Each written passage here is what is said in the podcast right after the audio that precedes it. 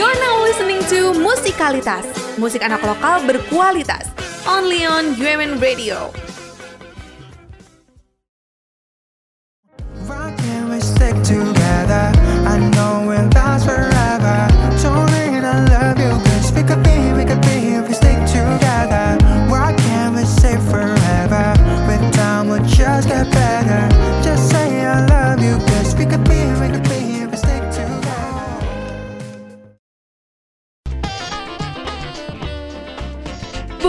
Sekedar basa-basi yang gampang basi. Kenal Sapa itu tempatnya kita ngobrol mendalam bersama pelaku industri musik secara santai.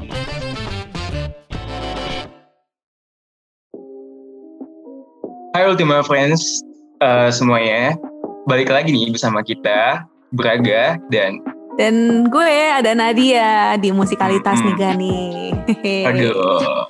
Musikalitas kali ini tuh mengawali dengan lagu yang candy banget nih, Nah. Ya, Iya kan? betul banget. Betul. Iya, Dan betul. kalau Ultima Friends nggak tahu itu lagu apa, di sini gue sama Braga mau kasih tahu kalau yang tadi lo dengerin yang ear candy banget tuh ya kata Braga itu lagunya Kak Syarafi. Judulnya Forever We Could Wah. Be. Keren banget, keren banget Keren ya. banget dong. Dan lagu ini kenapa? Kenapa lagu ini jadi opening dari episode kedua kita? Karena bukan lain dan bukan magic. gue ngomong apa sih? Apa tuh? Ada Dan? yang spesial gak hari ini? Apa tuh?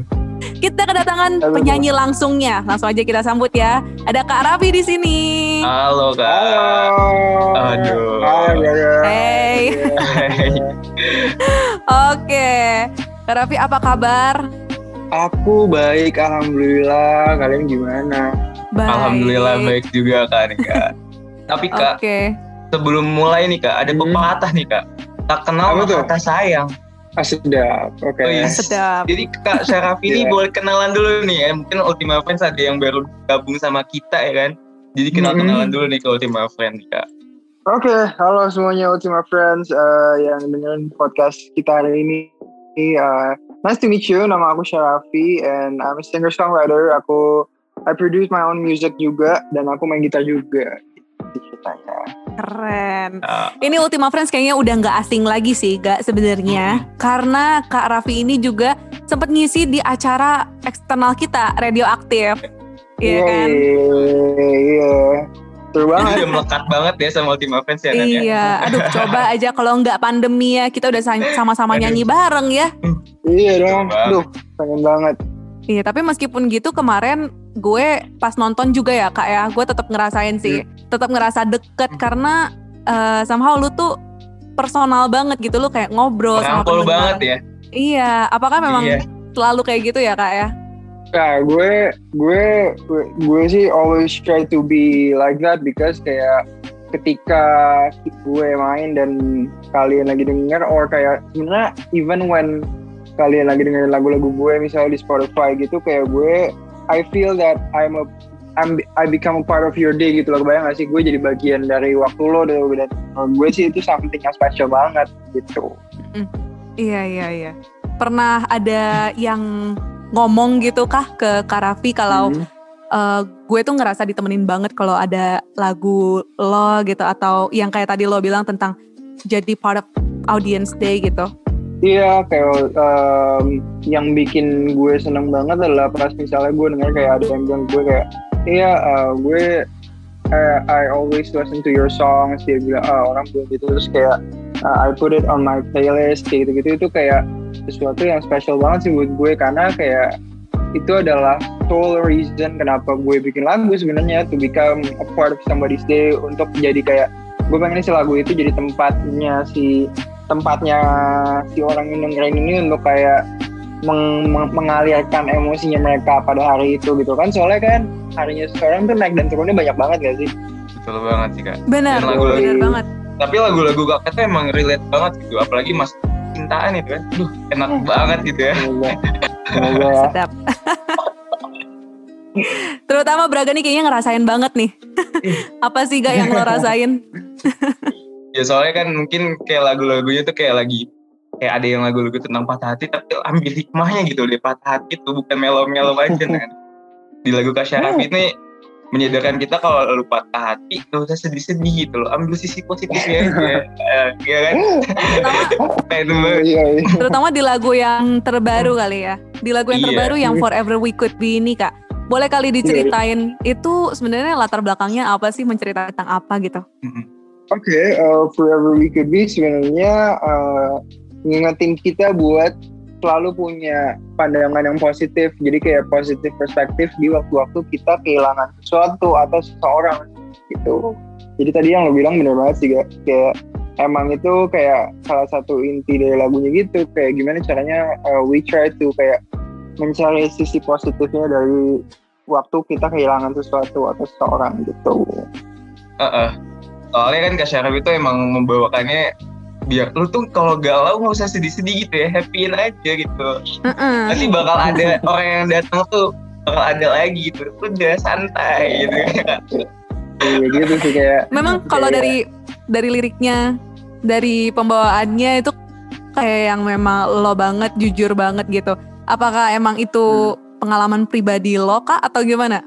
Um, jadi kayak ceritanya kalau gue itu sampai sampai detik ini kayak gue mesti somehow ikut ngerasain apa yang gue tulis jadi lagu gitu sih. Jadi kayak misalnya uh, gue nggak mesti ngalamin sih, cuman kayak kalau lo misalnya cerita sama gue kayak lo lagi seneng, gue mesti ikutan seneng juga baru gue kayak jadi pengen nulis. Gue masih seperti itu gitu. Jadi ya somehow Wow. pastinya gue pernah ngerasain sih gitu. Oh oke. Jadi lagu-lagu yang lo tulis itu nggak selalu berdasarkan pengalaman pribadi lo bisa jadi dari teman-teman.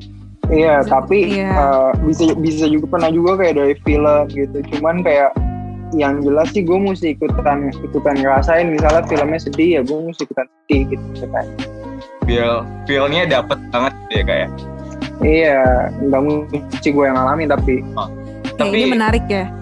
yang gue denger dengar juga nih Nan, di lagu Forever Feel to Be ini ada lu lihat gak denger gak sih di back vokalnya itu backing vokalnya itu ada sesuatu yang gak asing gitu Ada suara seseorang ya. iya Oh, Kak Raffi udah senyum-senyum. Boleh kali Kak langsung di spoil aja itu suara iya siapa, dan siapa sih kenapa Kak, gitu kenapa dipilih eh, partner itu buat Kakak? uh, jadi uh, memang di Forever We Could Be ini gue uh, kerja sama sama beberapa musicians yang uh, menjadi idola gue pribadi juga Hmm. gitu loh. Uh, jadi lagunya gue yang produce tapi uh, ada beberapa musisi lain terlibat di sini ada Muhammad Kamga yang jadi vocal director yang ngedirect gue nyanyi di lagu ini dan dia juga jadi backing vocals jadi mungkin suara yang tidak familiar nanti lu denger juga Kamga sih yang jadi vokal gitu. Keren keren. Kita ngomongin tentang eh, kerja sama sama Kamga dan kerjasama di balik produksinya itu ya kak ya. Itu ada kira-kira selama produksinya boleh nggak sih ceritain ada yang serunya apa, terus suka dukanya gimana? Ada kesulitan gak sih Hmm. kerjasama sama orang lain di tengah pandemi gitu?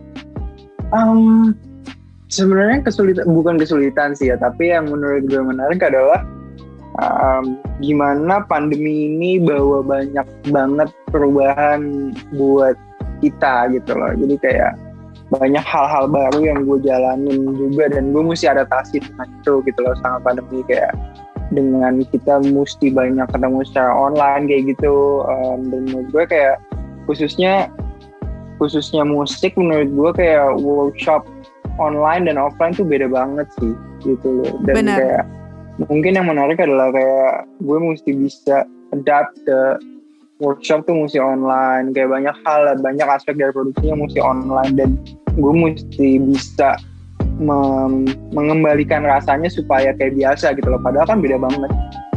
Itu sih yang. Kayak lu kan di studio terus, tapi kok bisa sih terus nemuin ide-ide kreatif gitu? Hmm, sebenarnya kayak tadi sih yang gue bilang kayak menurut gue ini ini menurut gue ya. Tapi kayak sebenarnya um, gue nggak tahu kayak gue itu tergolongnya gue itu tergolongnya peka apa enggak. Tapi kayak I try to be kayak as sensitive as I can gitu loh. Jadi kayak ketika gue pick up sesuatu tuh uh, kayaknya ini bagus nih. Terus kayak gue lihat something lain kayak gue bisa cepet cepet tuh nangkepnya gitu loh. Menurut gue itu yang mesti yang gue tadi yang tadi gue bilang kayak songwriting tuh kayak mesti dilatih menurut gue itu tuh. Kayak lo mencoba untuk lebih terbuka terus kayak lebih sensitif gitu sih. Lebih peka gitu ya kayak Iya kayaknya sih gitu. Jadi kayak pas lo lihat sesuatu kayak, wah cepet tuh nangkapnya kayak, oh ini bisa jadi bagus, oh ini bisa jadi ini. Terus kayak Mm-mm. uh, yang paling gampang dilihat tuh kalau misalnya lo nonton film tuh gue kayak kayak, oh iya kayak hidup tuh bisa kayak gini ya gitu kayak, oh iya. Terus kayak lo bisa jadi kayak mikir tuh kayak, oh ini bisa kayaknya digini gitu sih. Kayak sebenarnya menurut gue jadi terlalu komersial yang kayak um, semuanya dijadiin lagu juga nggak bagus. Tapi kayak kalau misalnya kita kurang kemampuan pick up-nya itu, kemampuan sensitivity-nya kurang, menurut gue jadinya kayak tadi lo bilang tuh, jadi kayak sering wah kok kayak nggak ada apa-apa ya gitu. Which is ya itu common banget sih, sering banget terjadi sih. Itu nggak bukan hal yang abnormal buat terjadi enggak sih. Sering banget sih orang kayak gitu. Hmm. Tapi kayak ketika itu terjadi menurut gue ya kita banyak banyakin ngeliat macam-macam hal aja atau pergi ke mana gitu. Ya basically kalau gue ngelihatnya kayak karena lo mau bikin sesuatu kayak gue agak-agak lumayan spiritual sih orangnya. Maksudnya kayak gue sangat apa ya menganggap sesuatu menurut gue songwriting itu gak cuma songwriting sih tapi mungkin lo nulis puisi atau lo nulis apa pun itu yang tadinya gak ada jadi ada tuh something yang sangat-sangat special sih. Kayak gue melihatnya selalu kayak gue dikasih sesuatu sama Tuhan gitu. Lu kayaknya sih tadinya itu gak ada terus lo bikin gitu. Jadi kayak you brought that thing to life gitu loh menurut Iya. gue. Jadi kayak itu tuh something yang special. Oke mau nanya juga nih kak tentang penulisan nih kan mungkin kakak nulis tuh jadi kayak dari lagu awal sampai sekarang nih kayaknya kakak yang nulis banget ya kan kayak dari Hmm. banyak yang nulis nih ada yang berkesan gak sih kak dari lagu-lagu yang kakak tulis? Itu Pasti sih soalnya ya, on each and every release itu gue I try to make better music. Pastinya gue pengen bikin rilisannya lebih bagus lebih apa ya ada aspek-aspek yang belum gue explore di lagu yang sebelumnya kayak gitu sih. Dan di Forever ini sebenarnya itu gabungan dari be- berbagai macam aspek dari lagu-lagu gue yang gue suka gitu loh gue jadiin satu lagu gitu loh. Jadi kayak gue pengen lagunya dancey gue pengen lagunya cheerful gue pengen um, lagunya tetap merepresentasikan gue as a as a singer songwriter yang juga main gitar. Dan ya itu berbagai macam aspek itu gue coba jadi jadiin dalam satu lagu jadi kayak itu kayak kayak gabungan dari beberapa lagu favorit gue jadi satu lagu gitu sih menurut gue ya. dari sisi songwritingnya Berarti lagu ini bakal jadi lagu yang eh, memang jadi lagu yang spesial banget ya karena dari berbagai kesukaan lo digabung jadi Iya. satu. Iya berarti syarafi banget ya nggak sih lagu ini? iya uh, kayak ya Mhm. Tapi kalau diperhatiin ya kak dari dulu eh, sampai sekarang itu banyaknya lagu-lagu yang lo tulis itu mengenai cinta-cintaan tentang pacaran, Iya, tentang Iya, love story atau la- lagu Forever ini juga termasuk lagu tentang cinta-cintaan tapi yang heartbreaknya gitu ya. Nah, kenapa sih eh, lo senang banget nulis lagu yang tentang eh, percintaan, tentang pacaran gitu? Kira-kira ada kepikiran gak sih mau nulis lagu dengan tema yang lain, misalnya tentang pandemi atau tentang apa kayak yang tentang makanan Di luar favorit love kali gitu. mungkin kak yang random gitu? Gimana kak? Oke. Um, pengen sih, pengen aja. Cuman kayak gue nggak, I never kayak try to exaggerate the writing process gitu. Jadi gue nggak pernah kayak mencoba untuk menulis sesuatu yang nggak mampir di gue gitu loh gue nggak sih Nat. Jadi kayak um, Oh oke, I natural try- aja I- gitu ya? Iya, ha, ha, ha. karena kayak setiap kali gue pengen, gue pengen deh nulis soal ini gitu loh.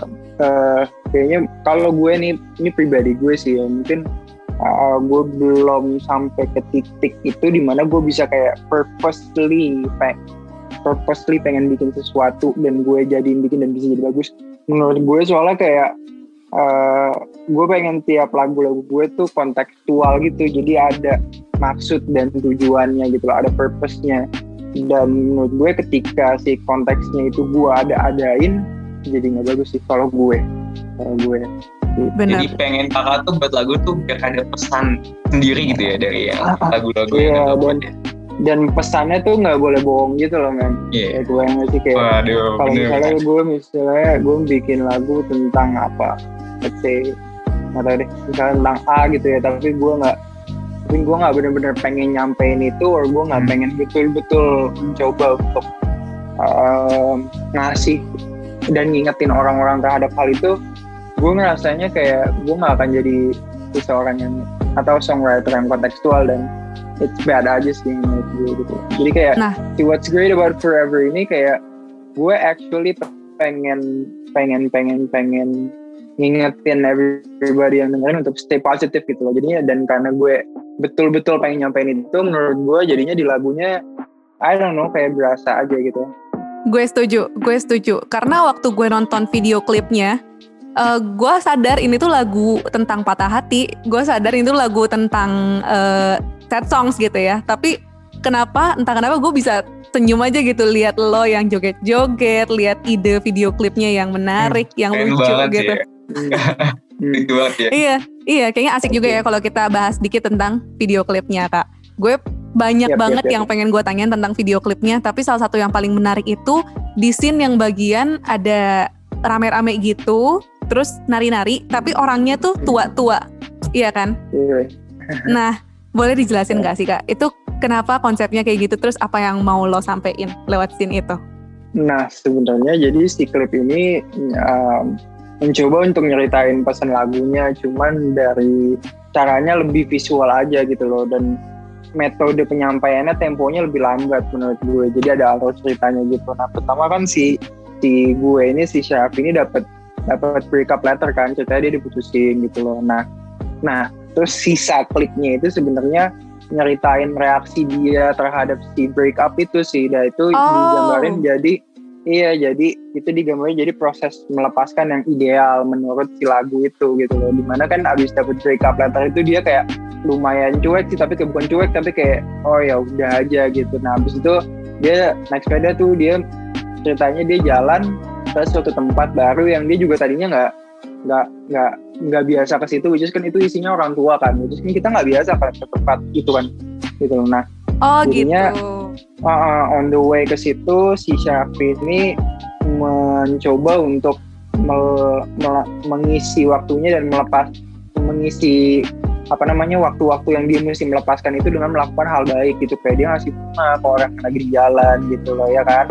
Nah Ya, pas benar. di sampai di tempat baru itu uh, kan tempatnya dia juga belum pernah datang ke situ kan? Karena itu kan unusual banget untuk kita untuk datang ke tempat bingungnya orang-orang tua gitu loh kan nah tapi in the end ternyata berada di situ justru kayak memberikan energi positif yang baru buat si Syafi ini dia jadi kayak have fun gitu loh ternyata di situ. Dan in the end makanya ada si nari-nari sama banyak orang-orang tua itu. Karena itu ternyata proses yang melepaskan yang ideal tuh yang kayak gitu. Di mana kita kayak uh, ikhlas terus try to be positive uh, coba untuk melakukan hal-hal baik bikin orang lain happy dan ya coba kita bisa coba untuk pergi ke tempat baru yang kita juga belum datang belum pernah ada di situ sebelumnya karena ya tempat baru itu bisa jadi ngasih kita energi positif yang baru buat kita bisa lebih melepaskan dengan baik gitu sih.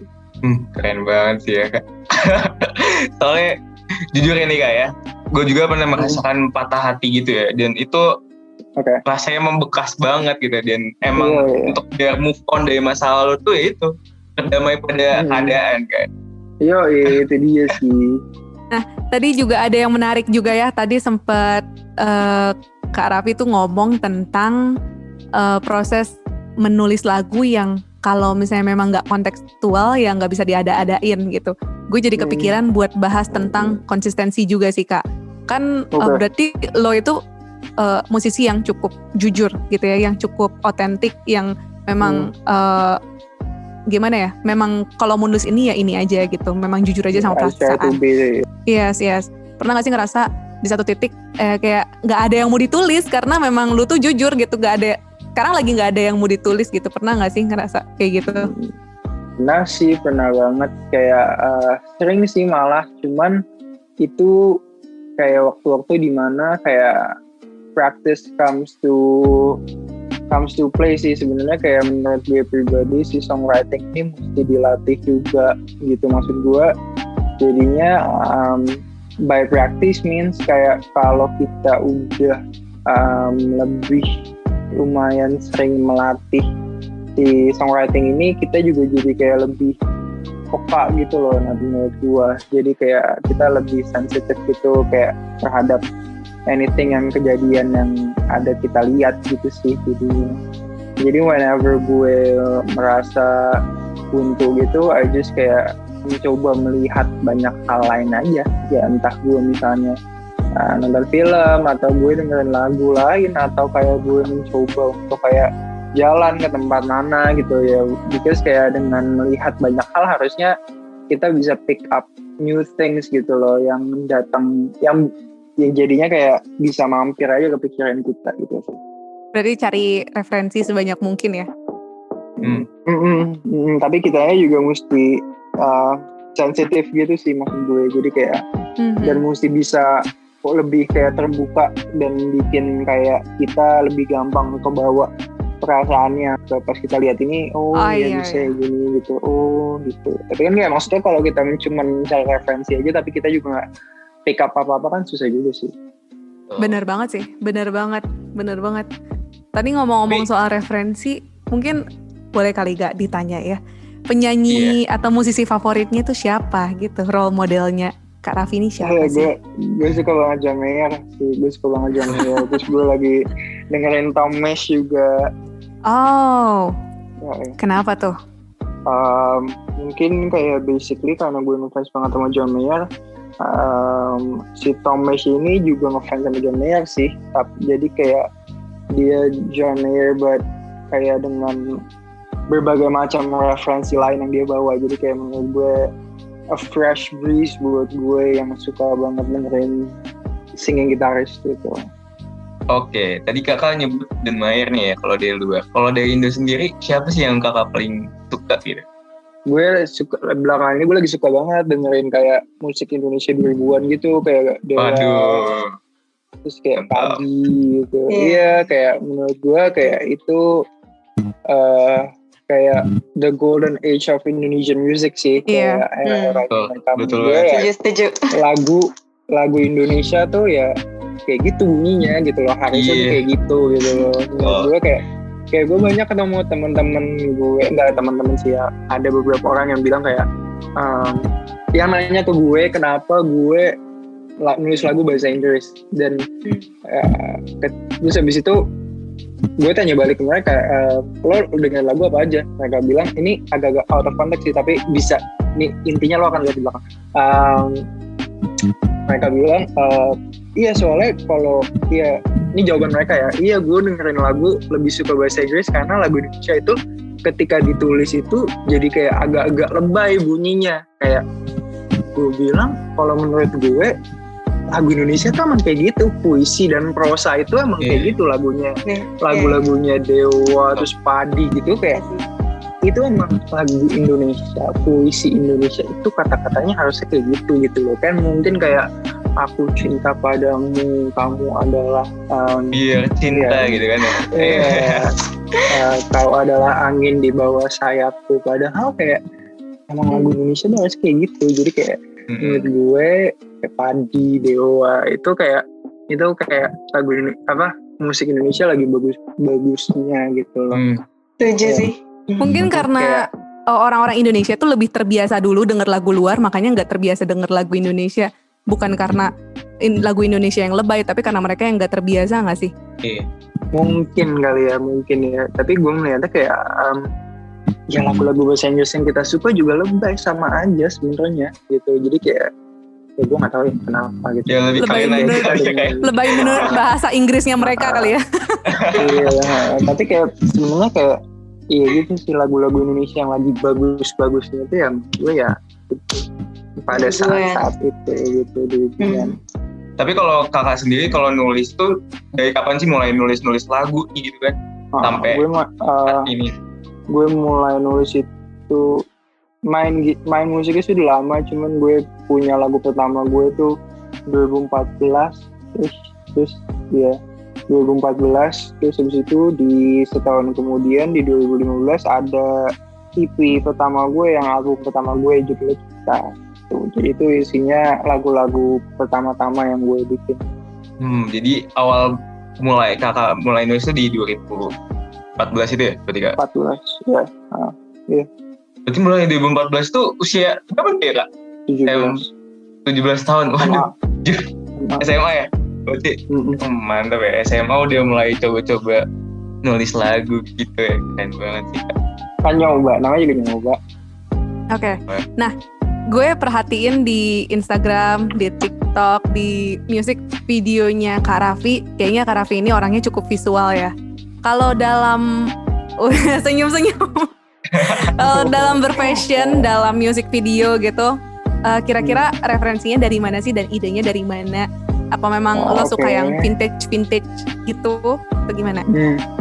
Enggak sih sebenarnya um, I pick up kalau gue kayak how to dress myself gue kayak pick up many things from banyak sumber gitu sih jadi kayak um, dulu pas gue suka banget sama John Mayer gue kayak sangat-sangat geeky tentang apa yang dia pakai terus kayak um, apa sih kenapa dia kayak make kayak gitu dan siapa aja yang others yang pakai dia pick up reference dari mana. Jadi kayak banyak juga yang gue lihat di situ. Terus habis itu upon searching itu gue nemuin hal lain gitu loh. Eh, di culture baju pakai ternyata ada eh, Japanese ada Japanese eh, street fashion juga di situ. Terus gue lihat lagi gitu. Jadi kayak sebenarnya a mixture of many different sources gitu sih kalau baju Iya, iya. Bener. nah, dan menarik ya ngomongin gue- soal fashion, apalagi kalau lihat fashionnya. Dan kayaknya tuh maksud gue semakin ke sini itu gue semakin lihat sebenarnya ini pendapat pribadi sih tapi how we dress ourselves itu kayak um, eh, itu sebenarnya kayak ngasih hints ke orang di luar yang melihat itu kita sebenarnya kayak gimana gitu. Jadi kayak kalau kita pakai sesuatu dan nggak cocok sama kita yang sebenarnya tuh agak-agak aneh gitu loh ditanya kalau menurut gue. Bener-bener jadi kepribadian kita tuh juga dilihat dari pakaian juga sih kayak banget banget Benar, gitu. benar. Hmm. gitu. Kalau lihat dari kalian, dari style fashion, dari music video, dari karya-karya lo, dari semuanya yang kayak ada di diri Kak Raffi ini memang match semua. Menurut gue juga memang Amin ya. eh, seperti itu gitu, nggak ada yang dibuat-buat menurut gue. Amin Jadi ya. gue setuju Amin banget ya. sama statement lo tadi kak. Amin ya. Semoga gitu ya. Karena Iya. ya nggak ada yang lebih dull sih. Maksud gue nggak ada yang lebih aneh sih dari dari kayak lihat kayak seseorang pakai sesuatu terus ternyata orang nggak kayak gitu gitu loh. Maksud gue kayak aneh sih menurut gue. Hmm, bener banget. apalagi Iya, kan. Kak Syarabi kan pengen kejujuran ya jadi iya, iya, ya, iya kan kalau nggak gitu kan nggak jujur banget gitu kan Iya, bisa bisa bisa. Iya, bisa, bisa, Oke. bisa. Gue dapat banyak banget insight ya dari ngobrol bentar aja sama Kak Raffi dan mungkin eh, bener nggak gak? Lu juga kan? bener banget banyak banget Boleh. sih. Yes. Boleh kali Kak eh, kasih pesan-pesan buat Ultima Friends juga di rumah yang lagi dengerin. Oke. Buat Ultima Friends yang lagi dengerin di rumah, thank you so much for tuning in to our podcast. Nama gue Syarafi. And uh, I just released a new song judulnya Forever We Could Be. Semoga kalian suka lagunya. Dan sebenarnya dari lagunya gue mau bilang kalian semua that gue tahu banget uh, life goes up and downs and disappointment itu ada around the corner. Jadi kayak lo pasti sering kecewa. Jadi in times lo kecewa atau lo mesti melepaskan atau merelakan sesuatu, try to find a tiny bit positive aspect dari si peristiwa itu. That gue yakin sih pasti ada something yang baik di balik peristiwa yang sangat-sangat tidak mengenakan itu. So I Wow. hope you guys like the song. oh, Wow, powerful banget. Dan boleh kali Kak di spill ke depannya bakal ada karya-karya apa lagi nih? Gue yang paling deket gue mau bikin semacam virtual concert atau live session gitu di bulan depan. Rencana Wow. di minggu ketiga di bulan Maret gitu. So ya di waktu-waktu kayak gini kan maksudnya gue tahu banget um, bukan cuman kalian Ultima Friends yang kangen sama live music uh, dan concert tapi gue juga kangen sih um, main secara live gitu loh buat kalian semua. So gue pengen banget bawa si uh, live arrangementnya si lagu-lagu yang ada di album gue terus forever juga dan bawa ke kalian tapi ya virtual gitu sih jadinya Hmm, Asik banget tuh. Boleh kali kali diinfoin nanti kita bisa nonton di mana, terus kita bisa dengerin lagu-lagunya kakak di mana aja gitu. Bisa banget. Nanti uh, sessionnya akan ada di YouTube dan kita bisa nonton sama-sama di YouTube gue. Uh, Cara Video Wanda. Terus lagu-lagu gue termasuk Forever We Could Be udah keluar di semua digital streaming platform kayak Spotify, Apple Music, Jokes, uh, dan video klipnya, music videonya dan lirik videonya ada di YouTube. Tuh. Kayak pantengin aja ya buat Ultima Friends ya. Ya, Oke, terima kasih banget nih ya, dan ya banyak hal-hal yang menarik yang didapat di dari Kak Syarafi. ini. Ya setuju. Aduh, amin. Semoga Pokoknya inget-inget aja itu uh, buat Ultima Friends kata-kata Kak Syarafi. Kalau lu lagi patah hati, kalau lu lagi kecewa atau apa, udah ambil sisi positifnya aja dari hal itu. Iya. gitu kan. Jadi thank you banget buat Kak Syarafi dan Ultima Friends yang udah dengerin kita dari awal sampai akhir bersama Kak Syarafi. Dan jangan lupa pokoknya terus dengerin musikalitas setiap hari Selasa jam 12 siang. Iya. Betul. Oke, kalau gitu sekali lagi thank you buat Kak Syarafi udah mampir dan ngobrol-ngobrol bareng di Musikalitas Human Radio. Semoga sukses terus ke depannya dan lancar buat karya IP-nya juga ya. Akhir tahun ini mau rilis ya. Yep, yep, bener banget. Semoga lancar Amin. juga. Kita pasti tungguin, Tungguin terus aja karya-karyanya Kak Raffi. Oke, Thank kalau gitu thank you Ultima Friends. Thank you juga Kak Raffi. See you minggu depan. Thank you. Dadah.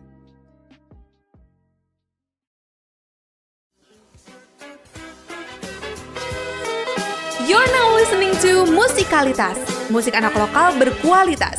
Only on UMN Radio.